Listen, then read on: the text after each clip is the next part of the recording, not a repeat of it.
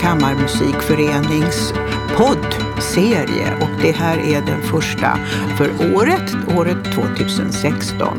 Och jag heter Barbro Hedvall och gjorde några sådana här poddar i somras och nu har jag framför mig Karin Dornbusch, vår konstnärliga ledare. Välkommen till vintern i Båstad, Karin. Ja, tack så jättemycket. Du har inte varit här på vintern va? Nästan inte. Några gånger kommer jag ju, men det är ju inte alltid det finns så här mycket snö. Nej. Och det är väldigt annorlunda stämning än på somrarna. Nej, just det. Och jag kan säga att eh, idag är det en snöig dag, men imorgon är det inte säkert att det är någon Nej. snö kvar. Så att här är ingenting särskilt säkert. Karin, du är klarinettist och heltidsmusiker och bor inte i Båstad utan i Basel. Berätta lite om eh, jag vet att du har fått eh, såna här highlights i karriären som att spela på Nobelfesten Mm, just det.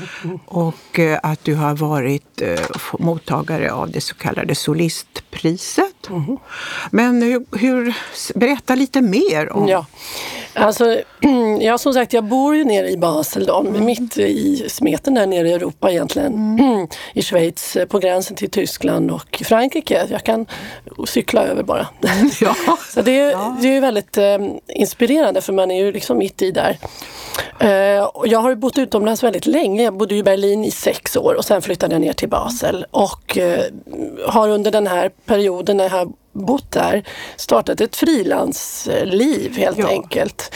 Där jag kombinerar också det frilanslivet, konserterandet med att undervisa också lite grann. Jaha, det Jag visste visste inte att jag undervisar Ja. också. Är det på konservatoriet Nej, utan jag, eller? nej, utan jag, jag undervisar faktiskt på eh, musikskola. Så jag har eh, två eftermiddagar.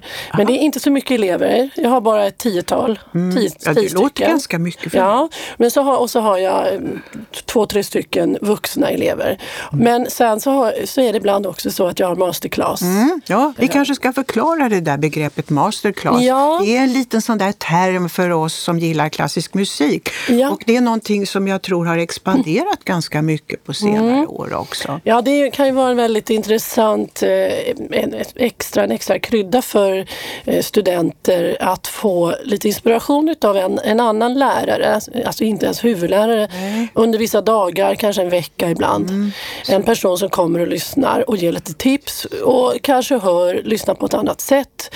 Kanske säger exakt samma saker egentligen som läraren, men med andra ord och gör att det plötsligt klickar till. Ah, nu förstod jag det där som min lärare egentligen har sagt i Ja. två år. Ja, just det. Det kan ja. vara väldigt inspirerande. Ibland kan det också sätta griller i huvudet. Det är inte alltid bara positivt, det måste man säga också. Det kan också Eh, vara det kan svårt. så att säga både lösa problem Ja. som en elev har eller Precis. tycker sig känna och samtidigt kanske blotta mera grundläggande Mm. problem. Så att det har två sidor kan jag tycka. Men jag har gjort det nu ett antal gånger och det är ju väldigt roligt och väldigt intressant. Och det har varit både på konservatorienivå och på högskolenivå då, som jag har gjort detta på. Bland annat uppe i Stockholm men också i Wien har jag varit.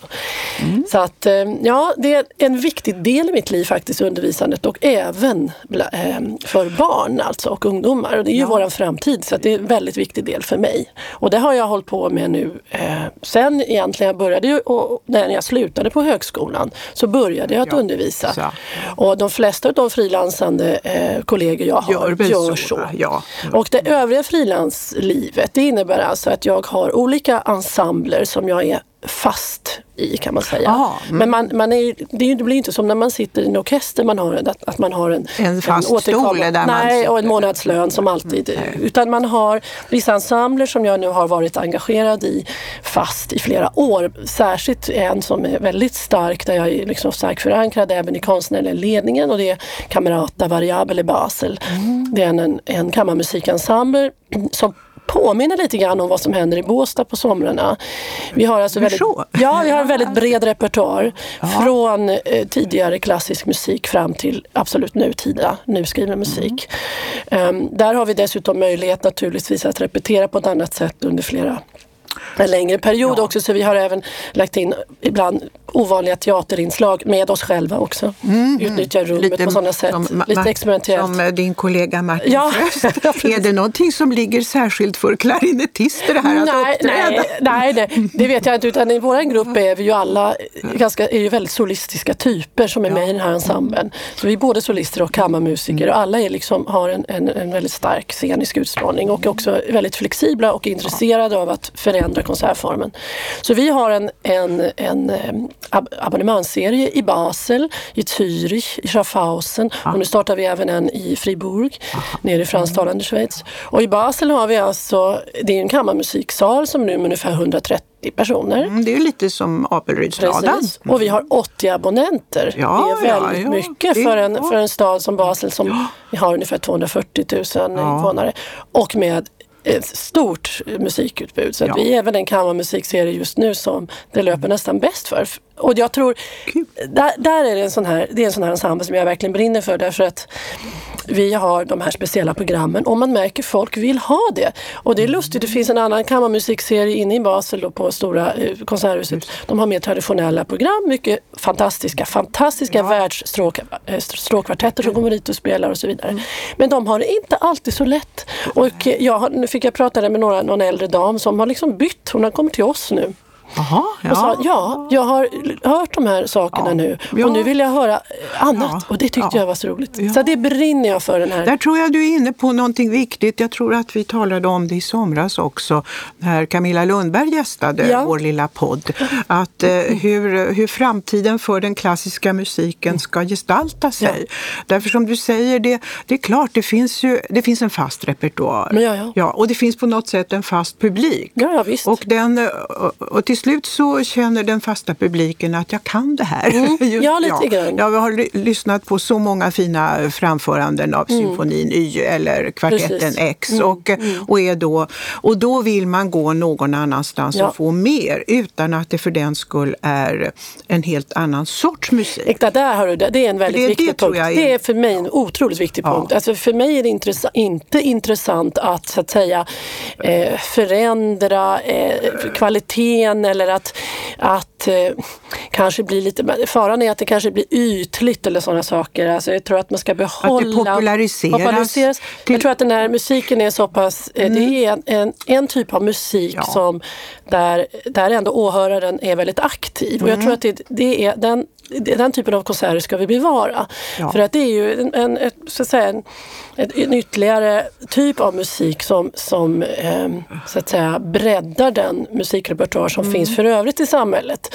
Från underhållning till dansmusik, till allt möjligt. Ja. Det finns ju allt möjligt. Ja, och jag tycker att det här är, den, det här är musik som är en, akt, en aktiv åhörare, lyssnare. Och kanske inte alltid heller bara trevlig musik som man, måste till, som man kan luta sig tillbaka utan den kanske är lite spetsig och ja. som nutida konst kan vara ja, lika så. Va? Ja, och lite som eh, alltså, lite. motstånd. Kan vara motstånd. När man ja. går nästa gång och lyssnar ja. på stycket kanske man förstår mer och sådär. Och det känns viktigt för mig att behålla den ja. aspekten. Och, det, och där tror jag ju då att det som du berättar om att ni upp, mer eller mindre äh, gestaltar eller uppträder också i ja. där ni spelar. Alltså vad vi, att, eh, ja, det, det finns med. Ja. Fram, framtid helt ja. Att, och en viktig punkt faktiskt i den ensemblen där och det jag försöker ta med det i Båstad också, det är att humorn liksom mm. inte får försvinna. Alltså det finns Nej. oändligt mycket humor ja. i klassisk musik ja, och det är många som inte tror det. Vi har ju haft den här berömde dammsugsolisten ja. här i Båstad för några år sedan. Precis. Ah, vilken succé!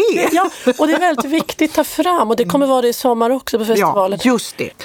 Ja, Karin, snön här utanför, men vi drömmer båda om veckan efter midsommar ja. 2016, precis som människor här har drömt om denna vecka i snart 25 år. Mm. Det är mm. nämligen så att det alltid är kammarmusikfestival i Båstad veckan efter midsommar.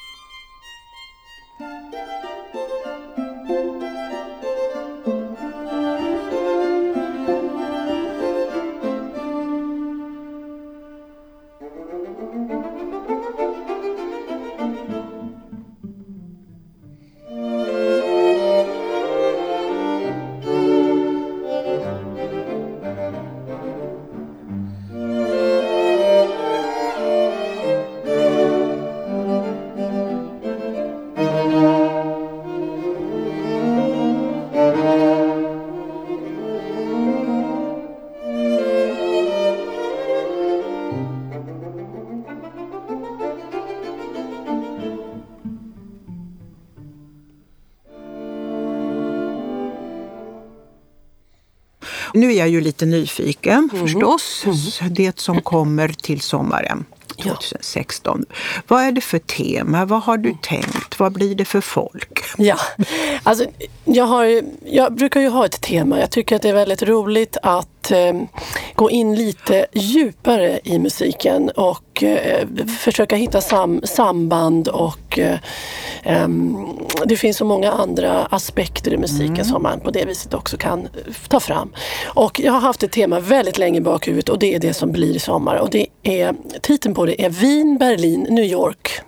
Tre... Det låter ju lockande, ja, tänker ja, alla. Ja, mycket. Det är ju tre fantastiska kulturmetropoler med var och en en otroligt intressant musikhistoria och överhuvudtaget även politiska historia naturligtvis som musiken har påverkats av eller musiken har till och med varit med och påverkat. Mm. Och det är det jag vill ta fram, vad som har hänt eh, i de här städerna. Under, alltså några av dem är ju ända sedan romartiden. Men ja. du har någon, du vill fästa det här någonstans ja. i tiden Naturligtvis. Alltså, naturligtvis i Wien så är det ju eh, för många, man, man förknippar Wien med, med musik av Beethoven och Mozart och Brahms och så. Och detta kommer naturligtvis att vara, finnas med starkt under veckan, dessa tonsättare. Men sen är det också den så kallade andra Wienerskolan som också kommer att tematiseras och det är då med, nu blir folk rädda här, hjälp, Arnold Schönberg Anton Webern och Alban Berg etc. De här väldigt viktiga herrarna som då var med och startade den så kallade tolvtonstekniken. Det var ju väldigt avancerat på den tiden. Men det var ju också en, en tid som överhuvudtaget var väldigt... Eh, man ville förändra ja, saker ting. Man ville förändra det här så, så kallade konservativa tänkandet. Det är ju så intressant det här att ja. Eh, så mycket av det som vi uppfattar som modernt i alla konstarter ja. egentligen har sin, sina rötter i, det, i kejsarstaden Wien. Ja, precis. Som... Så att det är ju genomgående i alla konstarter. Eh, men nu handlar det då om musik och då vill jag ta fram det här. Mm. Intressant är just om de här tonsättarna, just de här tre jag nämnde, är ju att mm. i början av deras eh, kreativa tid så hade de ju fortfarande sina fötter kvar i det här romantiska. Det kommer man få höra en hel del av sådana verk under veckan. Trevligt! Ja, det är väl, och det är väldigt otroligt vacker musik. Eh, så det ska man inte alls vara rädd för. Ehm, och och eh, vi kommer bland annat, det kan jag ju redan avslöja nu, att det kommer att finnas ett litet vinercafé.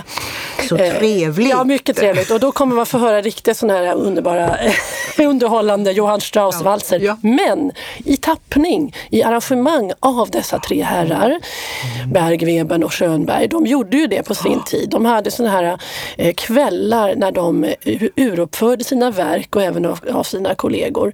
Eh, och för att samla ihop pengar till de här moderna tillställningarna där man för övrigt inte fick applådera eller uttala sig hur man tyckte musiken var utan musiken skulle få presenteras. Men för var det det att de kände på sig att det kanske inte Exakt. var så där örongodis precis? Naturligtvis visste de det. Och, eh, men de ville ju att, musik, att det skulle få, få sin plats och kunna få, få utvecklas. Men för, för, för att ha lite finanser till de här kvällarna så gjorde de andra kvällar med Strauss eh. Och då arrangerade de för mindre besättning de här valserna. Och så spelade de upp det för publiken som fick köpa de här arrangemangen, alltså partituren. Då samlade de in pengar då och de här pengarna kunde de använda till deras andra nutida mm. konserter. För det här var den tiden då människor själva i hemmet spelade musik. Ja. Idag skulle ja. de ju ha sålt plattor eller ja. något. Ja, ja, precis. Mm. Men alltså det Men var en oerhört de eh, partituren, noterna. Ja, ja, visst. Mm. Men alltså att det var en oerhört kreativ period. Ja. Men det är väldigt, då ser man hur starkt förankrad den här musiken var även hos dem. Och naturligtvis hade de ett, hade de ett arv som de mm. tog med sig och hade med sig i sitt bagage och som de sen utvecklade. Och väldigt ofta även i deras ganska avancerade tolvtonsmusik så kan man upp, höra till och med en liten wienervals som, som gungar med. Alltså. Ja. Det är en väldigt viktig aspekt som interpret att, ja. att, att ta fram det till exempel. Det där låter väldigt. Det är som en. Mm. Sen har vi ju då eh, naturligtvis Berlin också ja. va? som var en, en enormt, eh, som naturligtvis hade sin son Mendelssohn ja. musik. Och vi hade också svenska tonsättare som Just åkte det. ner och bodde. Frans, Frans Berwald, han var ju länge i Berlin. Och, och även Stenhammar var där. Eh, det fanns många andra. Och, eh, Sverige har ju varit väldigt, eh, egentligen varit väldigt nära Tyskland ja, innan visst, hela kriget ja, under, kom. Sen. Under slutet av 1800-talet, början Precis. av 1900-talet 20-talet. Det, det var naturligt glömma. att man åkte till Tyskland för att studera och få inspiration närmsta och- landet och egentligen, så. utvecklas. Ja. Och det har vi ju, som du säger, alldeles glömt bort. Det har vi glömt bort. Det försvann, det blev ett tabu. Nu börjar det komma tillbaka. Folk åker till Berlin Ja, just det igen. Va? När jag åkte ner och studerade i Berlin 89 var det väldigt exotiskt Ja. faktiskt fortfarande. Men, nu börjar... Men i alla fall, i Berlin var det också då naturligtvis otroligt intressant period under, in, innan andra världskriget. Ja, det- 20-talet. 20-talet. Ja, för det är på något sätt Berlins årtionde. Ja, precis. Så mycket nytt och utmanande och annorlunda. Och det var då på samma sätt. Alltså Tyskland hade ju förlorat kriget, kejsaren var borta och här fanns en ny stat som var väldigt osäker. Mm. Ja.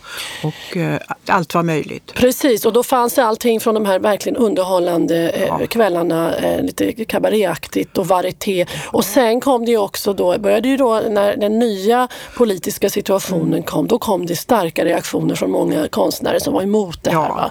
Och det var ju eh, många av de här Brecht och, och Kurt Weill och så vidare. Alla de. Men sen var det ju också många som också var inspirerade av Schönberg. Så det fanns ju de här Paul Hindemith och så Mm. som också skrev väldigt, eh, hade nya tankar. Och det fick man ju inte göra under nazisttiden. Nej, så Det då, kallades ju för entartet i konst. Och, och då dog ju egentligen kulturlivet. ja, alltså I de den blev, meningen som vi lägger in. Därför att de blev ju avsatta från Ja. sina tjänster om de var professorer på Musikhögskolan eller så. Eller De fick ju lämna, många lämnade ju landet och många stack till New York. Ja. Och där har vi den tredje staden då. Det var ju väldigt många som emigrerade. Antingen på grund av att de hade fel Ja, Eh, idéer om konsten. Ja. Ja, precis. Va? Ja, Eller att de var ofta hade judiskt också. ursprung eller så. Va? Det fick ju också många judar, Ja. judiska konstnärer lämna och tonsättare, musiker. Och de hamnade i New York och en hel del utav tonsättarna hamnade ju faktiskt sen i Hollywood. Det är ganska Ja, intressant. det är så roligt Ja. att höra Korngold om detta. var en sån ja, visst, för, det är på något sätt en sån otrolig Ja, här är då europeisk modernism Ja. och så Hollywood som verkligen kör på den breda publiken. Mm, och, precis, och, men de hade ju liksom den här kunskapen och, och kunde så att säga eh, arrangera sig. Ehm, så det var ju en väldigt viktig eh, inkomst för många och ett sätt att också utvecklas, absolut. Ja. Och sen de här tonsättarna, men även Hindemith och kom ju till New York och så. Många av de här de har ju påverkat sen det hela amerikanska musiklivet. Ja, förstås. Och lite senare då i mer vår nutid, då, eller för, naturligtvis en Gershwin och, men Ja. även en Leonard Bernstein. Otroligt viktig naturligtvis. eh, Ska säga, vad han har fått med för, för ett arv då. Då har Ja. han fått det här europeiska arvet då, å ena sidan då. Sen naturligtvis med egna idéer och så. Va? Men alltså det är Men intressant det är att se. Kopplingen där som Ja, ehm, och sen många av de europeiska tonsättarna de fick naturligtvis inspiration utav det som fanns i Amerika redan och det var jazzen. Det var kanske Negro Spirituals och sådana saker som sen också eh, har kommit över till oss. Alltså att det, liksom, Ja, det är väldigt så, sådär, ja. mycket och allt detta ska nu då Ja, som allt tydliggöras under den här miss, veckan efter midsommar. svårt att få in men vi allt. har, ja, men vi har ju väldigt många konserter. Ja, många har ju långt konserter. över 20 konserttillfällen. så Ja, att, absolut. eh, Det, det ska väl gå. Ja, alltså Det, så det, är ju, det är ju ett tacksamt tema för att det är så väldigt bred musikstil Mm. Ja, ja. och samtidigt så är det ju Ah, jag skulle ju kunna hålla på i flera veckor. Alltså. Ja, jag har det finns så känslan. mycket fantastisk musik. Och, vilka, och det är ju också, ju mer man jobbar med temat, ju mer jag jobbar med så inser man ju, inser man ju hur, vilka mäns, människoöden Ja. som också det här handlar om. Ja. Människor som har varit tvungna att lämna sina, sina hem för att de eh, anses vara, inte passa in i samhället av olika skäl.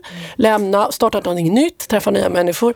Och det är, ju, det är en viktig aspekt tycker jag i hela det här temat, det här resandet, Mm. eh, förflyttandet, flykten som också känns väldigt aktuell idag. Ja. Fortfarande tyvärr, och nu är det ju mer än någonsin med hela den här flyktingsituationen och vad det innebär för människor inte bara då mäns, alltså rent personligt utan vad innebär det också kanske för ett samhälle och dess också faktiskt konst och musik. Jag menar de här, det är många av de här som är flyktingar eh, från olika länder som, som, bär har med sig sitt... eh, egen musik och Absolut. som kommer att påverka musiklivet Så här i, i, Nor- i Norden. Ja, Ja, och som det blir alla utbyten. Det är klart och, och, och det gäller ju, och, och som du säger, som, för somliga blir det en, en sorts nystart, alltså en god utveckling Mm. och man tar, får inspiration och, och andra eh, finner aldrig riktigt Nej. något nytt fotfäste. Ja, och det finns det ju också exempel på Ty- ja, tyvärr, att tyvärr, människor som ja. då också inte klarade av Nej. den psykiska situationen. nej. och det känner vi till bland, bland Ja. författare bland annat, där, Ja. där de verkligen Ja. tog det sista steget Ja. för att de inte klarade av Nej, att deras land hade gått Ja, ner så mycket ja, och, eh, visst, och så att hela deformerat. det sammanhang i vilket de hade levt. Så att det, det är dubbla sidor. Jag tycker själv att det där också hörs i den här musiken. I den mån jag har lyssnat eh, till Mm. den. Så det är en musik med någon sorts understråk, Mm. underström kanske är ordet. Så att det, det finns alltså, det kommer att, Mm. alltså det, det kommer att finnas väldigt mycket på ett sätt då allvar. Det är alltså verkligen extremt allvar egentligen om man tänker nu då på alla de här ödena som finns bakom och den eh, också intentionerna varför man skriver musiken på detta vis och så vidare. Och sen samtidigt kommer vi också kommer vi få höra några lättsamma Johan Strauss-valser också. Ja. Va? Och, och det kommer finnas humoristiska saker med under, te- under det här. De var ju väldigt roliga också Ja, för övrigt, de här Schönberg och så vidare. Så att, ehm, det fanns ju mycket humor, det tror jag man många gånger också eh, har haft också som, som ett hjälpmedel. Mm. Ja, att överleva, att överleva. och vidare. Ja, visst. Så att det där återkommer till, med humorn får man aldrig glömma. Liksom. Är det någon spännande musiker som du redan nu har kontrakterat Ja. eller kommer allt som en överraskning i april? nej, nej alltså, som vanligt så är det så att jag gärna tar, bjuder in musiker som är väldigt etablerade på europeiska marknaden men kanske ändå in, eh, inte än har eh, etablerats som namn i Sverige. Jag tycker det, känns, det, är en vikt, det har varit en viktig sak för mig och det fortsätter vara det. Bland annat Dennis Varjon, fantastisk ungersk pianist som eh, spelar på stora festivaler och har en stor festival i Marlborough i, i Amerika bland annat. Och han och hans fru de spelar mycket, eh, Isabella Simon. Är hon spelar, också pianist? Hon är också pianist. Aha, så det blir fyrhändigt? De spelar också Aha. bland annat Schubert eh, och, eh, och han är ju fantastisk alltså, Ja. med Beethoven eh, kommer det bli och hon kommer att spela Bartok bland annat. Mm. Bartok var ju också i New York och skrev för Benny Goodman, klarinettisten Ja. och sådär. Och de kommer från Ungern då och har, det är ju också, känns ju väldigt nära med Ja. hela man tänker Ja, Österrike-Ungern-perioden. visst, och, ja, och de kommer framföra ett antal saker också som passar. Mm. Och sen mycket fin violinist från eh, Frankrike, eh, David Krimal. Aha. Och eh, han kommer att man höras bland annat i- med Bach eh, men också i eh, flera andra verk. Eh, En Nesco-sonat bland annat. Ja. Sen tror jag att du har hostat om Stenhammarkvartetten Ja. för att nämna ett namn som är lite Vår svenska, hem, hemmavant. mycket, ja. mycket fina, mycket fina stråkkvartett, Ja. Stenhammarkvartetten, som ju också har framträtt i tv bland annat på Polarpriset. Och de är ju en sån här eh, perfekt eh, ensemble i Båstad tycker jag, för de har en sån bred repertoar, eh, både från de stora klassikerna, då kommer naturligtvis framföra Stenhammar, passar ju, eh, men också fram till nutida, så de är ju väldigt flexibla. Eh, var och en utav dem som ensemble. Så det är en väldigt intressant ensemble. Ja. Min erfarenhet som publik är ju att eh, när jag får programmet, det står mycket fina namn, man får veta deras fina bakgrunder och sådär. Men de flesta är då anonyma. Och sen efter några dagar, kanske två, så har de som då har framträtt blivit väldigt tydliga. Och sen efter när veckan går mot sitt slut så är det alltid en eller två ensembler eller art- soloartister som är min favorit eller som är någon sorts, eh, ska jag säga, liten maskotkänsla för, för den där veckan. Men det roliga är att det alltid är en överraskning. Det stämmer aldrig med tror. den uppfattning Nej. jag får när jag läser programmet. Ja, det är mycket intressant att Ja. höra och jag tycker att det var väldigt roligt att höra det. Eh, Det är ju lite det eh, man vill, jag vill eh, försöka göra med den här festivalen. Att, liksom, att, att låta människor upptäcka lite nytt. Och, eh, Ja, Det känns som en viktig sak för att eh, Sverige är ändå ett ganska litet land. ja visst. Och har ju en, en viss begränsning även när det gäller eh, musikscener och, och så vidare. Och då känns det väldigt viktigt att, att presentera, om det finns möjlighet att presentera nya musiker och ny repertoar så är det en väldigt viktig sak för mig. Vad roligt att höra.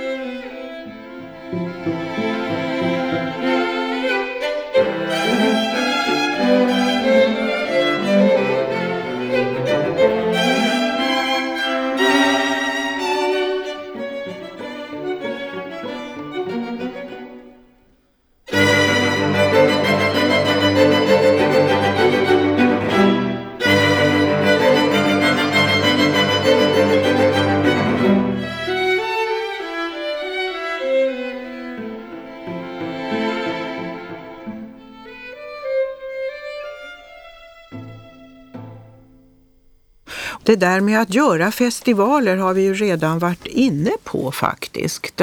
Du har gjort tio stycken i Båstad, mm. tror jag. Ja, ja, jag tror att det är tio. Ja.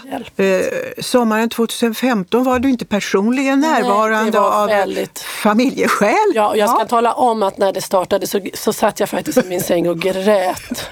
Det var lite hemskt. För jag ja. sa, alltså det var verkligen hemskt faktiskt. Ja. Men jag, jag, jag, jag hoppas att det inte går ut över din dotter. Nej, nej, nej. Jag, jag vände mig bort från henne. Hon skulle, ja. Naturligtvis vill jag vara med henne. Ja, ja. Nej, men, men, nej, men jag förstår ju det. Därför att eh, dels lägger du ner en mycket, mycket arbete ja. i det här. Och sen att inte få höra hur det blev. Ja, nej, det var hemskt. Jag får tårar i ögonen nu ja. bara för det.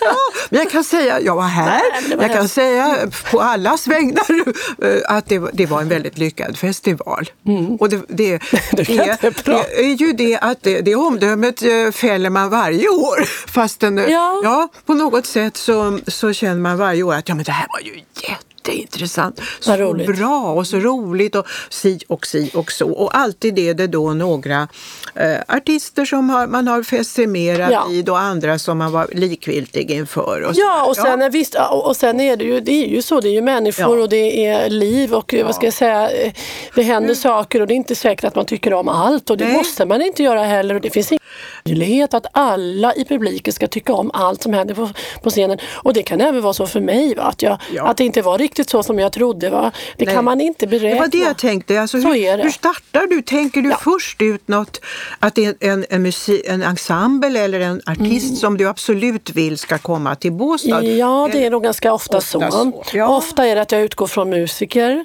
För du har hört den här, ja. eller du har varit Antingen ihop jag, med den ja. ensemblen kanske? Antingen har jag spelat med dem tillsammans så att jag vet att de fungerar både musikaliskt och mänskligt. För det är en viktig bit om det går att ja. i alla fall ha många i, i, som jag faktiskt också känner personligen eller att jag vet utav starka Andra, källor ja, att det här, det här är jättetrevligt, ja, de fungerar. Eh, och sen kanske jag har hört om eh, live på någon scen någon gång eh, och tycker wow, det här måste jag verkligen. Eh, och sen så är det också rekommendationer ibland utav mina kollegor eh, och det kan vara folk som också har varit i festivalen som vet, som, som säger kanske i slutet av festivalen, du, den här, jag har en jättebra idé för fortsättningen och så. Och då vet jag att okej, okay, har, han, har han sagt det så är det fungerar. Och så går, jag, så går jag naturligtvis in och lyssnar. Nu idag är det ju så fantastiskt. Nu kan man lyssna så internet. väldigt lätt på, på ja, ja. nätet så det är ju helt inget, inget problem. Alltså. Ja, ja, men det är ett fantastiskt eh, sätt ja. för mig. För jag kan ju gå in och lyssna hur mycket som helst, få all information jag behöver över hela världen. Så det spelar ingen roll var man sitter, man får all information. Mm. Det är ju fantastiskt media på det viset eh, med internet. Så, och sen hittar du på temat efteråt? Först. Ja, alltså det är som sagt det här temat, till exempel Wien, Berlin, New York har jag haft i bakhuvudet som Ja. jag sa. Jag har ofta haft flera utav mina Sådana teman där. i bakhuvudet. Och sen så har jag det som ett alternativ och så i- lite grann utefter vilka det blir så märker man lite grann, okej, det här temat kan jag faktiskt satsa på i år. Va? Eller så kan det också bli så att jag samlar också idéer naturligtvis vilken repertoar de vill spela. Då kan det också utkristallisera sig ett tema först då. Så att jag är flexibel. Jag, jag är inte så att jag säger att det måste vara det här temat. Och- Utan jag, Nej, just det. Alltså, du skriver inte upp temat, överskriften Nej. och sen börjar du tänka... Nej, jag gör inte så Nej. nu då. Nej, men, Utan det har blivit en kombination eh, utav eh, saker och ting. Och ibland kanske det är så att jag vet att det är en viss ensemble eller en viss artist som har ett verk på sin lyra som har varit ett nyckelverk kanske för temat. Va? ja. Och då har jag utgått från det. Då kanske var det den första artist jag frågade och sen så har, har jag kunnat utöka eh, med fler, eh, ganska enkelt kanske då. då. Jag hade ju något tema var ju kvinnliga tonsättare. Till exempel. Ja, och då, då vet jag att jag hade ett stycke av Karin Renqvist och så liksom utgick det från det och sen fortsatte det. Och det var ju musik från Hildegard från Bingen fram till nu då. Mm. Jag hade, något år var det ju bläckblåsinstrument. Va? Ja. Och då hade jag lite punktuella, det var sådär Håkan Hardenberger och så hade jag Concerto Palatino med sina gamla instrument och så. Och, och där fick jag också ihop det ganska fort. Då visste jag också att Michel Godard från Frankrike spelar serpent, tuba och serpent. Det är ju en sån här Jaha, som, eh, som en orm alltså. Som Ja. en orm, precis. Va? Orm. Och jag kände ju till honom, jag hade hört honom Ja. flera gånger. Då hade, hade man kanske sådär tre grupper så Ja. tänkte man, ah, men det här kommer jag kunna. Och, så- och så bygger man på. Va? Något annat år har jag kanske haft en annan idé och så har det blivit, nej men det här blir temat. Va? Ja. Barntemat var väldigt självklart Ja. till exempel. Det, det var har, sånt nu har vi suttit här och pratat och inte alls pratat, ja vi har pratat om din lilla dotter men vi har inte pratat om barn för vi har ju faktiskt alltid det inslaget Ja, i det. Mm. festivalen att vi tänker på den absolut yngsta publiken. Ja. Om några program som är speciella för dem och, Mm. och, och eh, ibland kan det ju vara som du säger att lägga temat barn över hela veckan. Ja, det hade vi ju ett ja, år. ja. det var ju jätteroligt. och det var ju B, en opera för Och det bebisar. där med. Alltså, Där vi kröp in i Ja, snäckan var ju fantastiskt. Det var ju Det var ett väldigt klart. roligt Ja. år faktiskt. Nej men eh, det kommer ju vara i sommar också. Då kommer ju Petson och Findus. Ja, just Och det kommer bli jättebra. Den föreställningen har Men jag, jag visste sett. inte att de var musikaliska, men jag är Jättebra. så okunnig om Ja. barnkultur kanske, eller Det, vadå? de har gjort vä- väldigt många föreställningar. De är två stycken som Ja. gör detta då. Ja. Ehm, Sven Hedman och bara för det kommer jag inte ihåg vad hon heter nu. nej. Lite Men är det både in- instrument och... och Hon, så- spelar, hon är ju väldigt duktig. Hon är, har ju musikalbakgrund och Ja. så. Och Ja. både sjunger, spelar lite Ja. munspel så. och är dansant. Ja. Så hon är lilla katten där som Ja. Mm. är så söt. Och han är jättebra. är, är Petson. då, Ja. Mycket bra föreställning som jag har sett Mm. förut. Så att det ska bli kul. Mm. Det blir väldigt roligt, det tror jag ju säkert också. Ett lite mer allmänt tema är ju att man kan... Alltså detta, du gör egentligen festivalen som ett läggspel. Mm. Så jag förstått det. Du får idén där, du får artisten där du, ja, och sen någon gång mot slutet av den där proceduren så blir det ett program. Ja, och det är en väldigt lång procedur kan jag Ja, säga. förstås. Därför man måste ju hela tiden också flytta om. Det gick inte med dem och Nej, de, nej, och de kom, kan inte komma. Jaha, oj. Men det är ju också för att jag vill ha de här speciella Ja. idéerna. Jag vill göra speciella, Ja. unika program.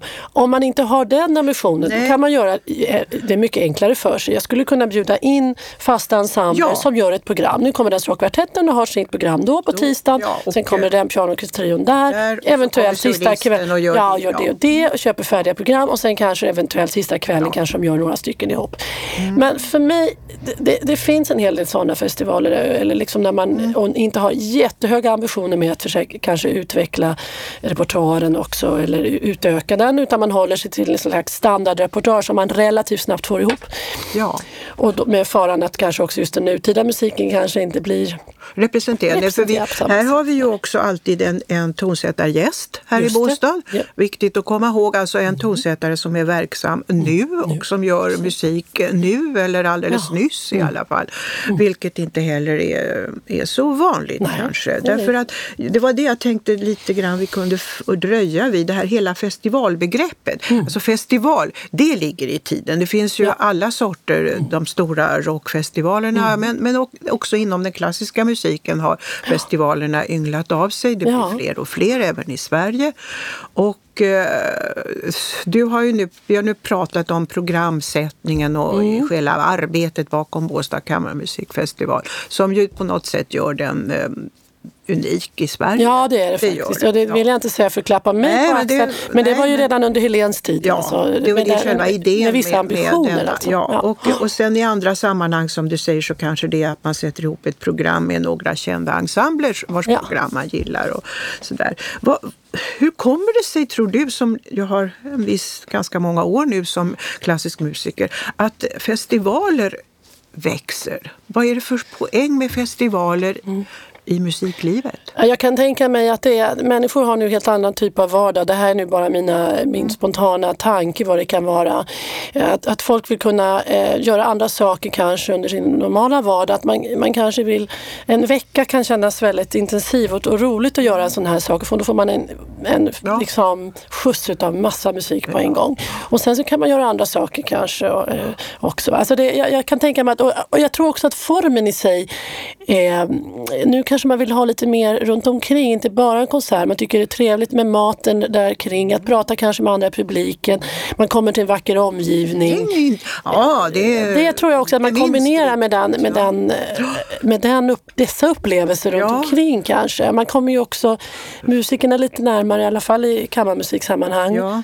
Eh, men i och för sig, det finns ju stora festivaler med orkestrar och så vidare. Har vi ju de stora. Riktigt stora, ja. Och, eh, Men jag tror att det är ett, för att det är ett sätt att mötas på ett annat sätt sätt än när man går till en, en konsert annars. Då, så tror jag att det här blir, man kanske känner igen grannarna igen nästa dag eller på nästa konsert. Liksom. Ja, ja, men den erfarenheten har jag ju i alla fall från Båstad att ja. här är vi ju tillsammans i publiken också ja, under en vecka. Nästan, inte alla, all, alla konserter men ja. Eh, rätt så många av oss. Så vi kommer i samspråk precis. med varandra och, och, får lite nya kontakter. Och, precis som vi kan märka att mus musikerna gör. Mm. För att eh, lägger ju ofta programmet så att somliga musiker ska arbeta tillsammans med några de inte har träffat Absolut. förut. Absolut, det är ju också ett, Ja, och då kan vi ju som publik märka eh, om det går jättebra ja, eller ja, bara ja, bra. Precis, va? ja, ja visst. Ja, jag tror också att det kanske det är att man vill ha, man vill ha upplevelser. Ja, man, vill ha upplevelser. Man vill känna alltså. att man är ja. publik på ett lite högre plan ja, när man är på det. festival. Ja. För ja, kanske är det så. Sen tror jag också, vad tror du om det, att det finns en, en lust att få lite närmare kontakt med någon artist eller någon mm. artistgrupp som man kanske har hört en gång förut eller bara lyssnat till inspelningar Ja, alltså precis. Lite den här gropey-känslan. Ja, jag tror också det. Och särskilt här i Båstad så är man ju verkligen nära, liksom ja. rent fysiskt faktiskt. Också i pausen ja. eller någonting man kan, kan man stå bredvid den där pianisten ja. som just tog en kaffe på vägen. Ja. Och det tror jag också ger en speciell känsla. Man kanske till och med kan utbyta några ord och sådär. Va? Får man tillfälle till det annars? Det kanske man inte får. Nej. Och dessutom tycker musikerna att det är väldigt trevligt att få ja, träffa sin publik på det Ja, och det, det, inte minst det där att publiken vill träffa sina mm. idoler. Eller ja. Sina, ja, det förstår jag ju. Men, men det trevliga är ju att det känns som att musikerna gillar Absolut. publiken. Absolut, och det kan jag ju säga under de här åren vad, vad artisterna säger att de är ju otroligt uppskattande gentemot den publik vi har. De märker ju att den här publiken är genuint intresserade och verkligen försöker att ta till sig även om det kanske är lite svårt ibland. Och, mm. och att man liksom ställer frågor eller man, man är intresserad, man lyssnar. Och det är ju naturligtvis det man vill ja, som musiker. Ja, jo. Och det har jag ju hört, och har jag också ja, hört artister säga. Oj, vilken publik! Ja, ja, ja. Alltså det, alltså, och, det, och det uppskattar ja, vi. Den applåderar ja. inte på fel ställe. Nej, nej precis. Garantera! Bara. Och, och, egentligen, det gör ju inte heller något egentligen. Men alltså det jo, visst gör det det. Alltså. Men alltså det viktiga är ju det här att man märker att folk verkligen lyssnar och är intresserade. Ja.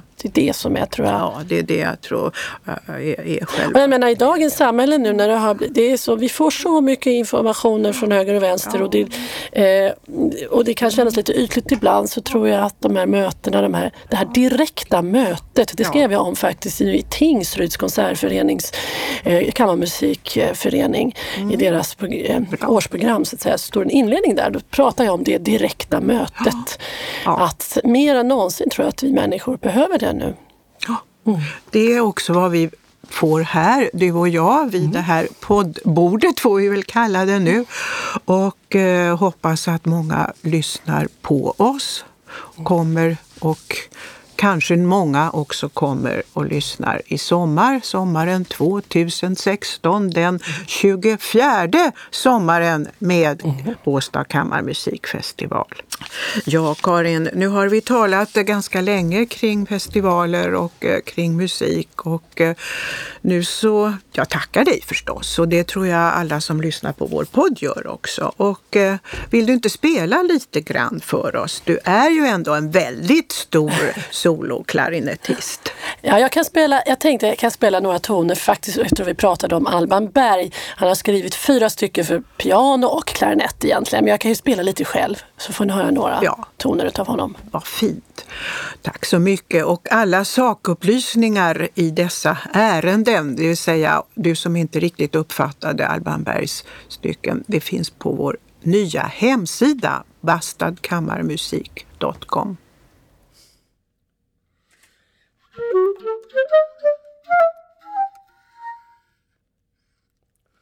Tack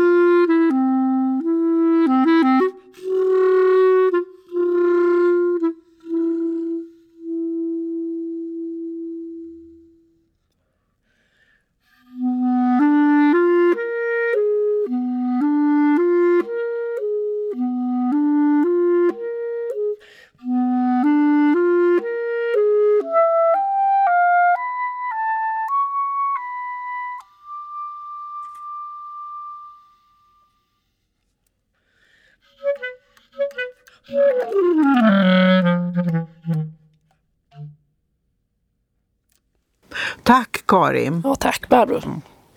Och ska jag säga, det hörs, hördes lite musik kanske också under vårt prat. Och eh, vad det var, det kan ni se på Båstad kammarmusikfestivals nya hemsida. Bastadkammarmusik.com heter det ännu så länge.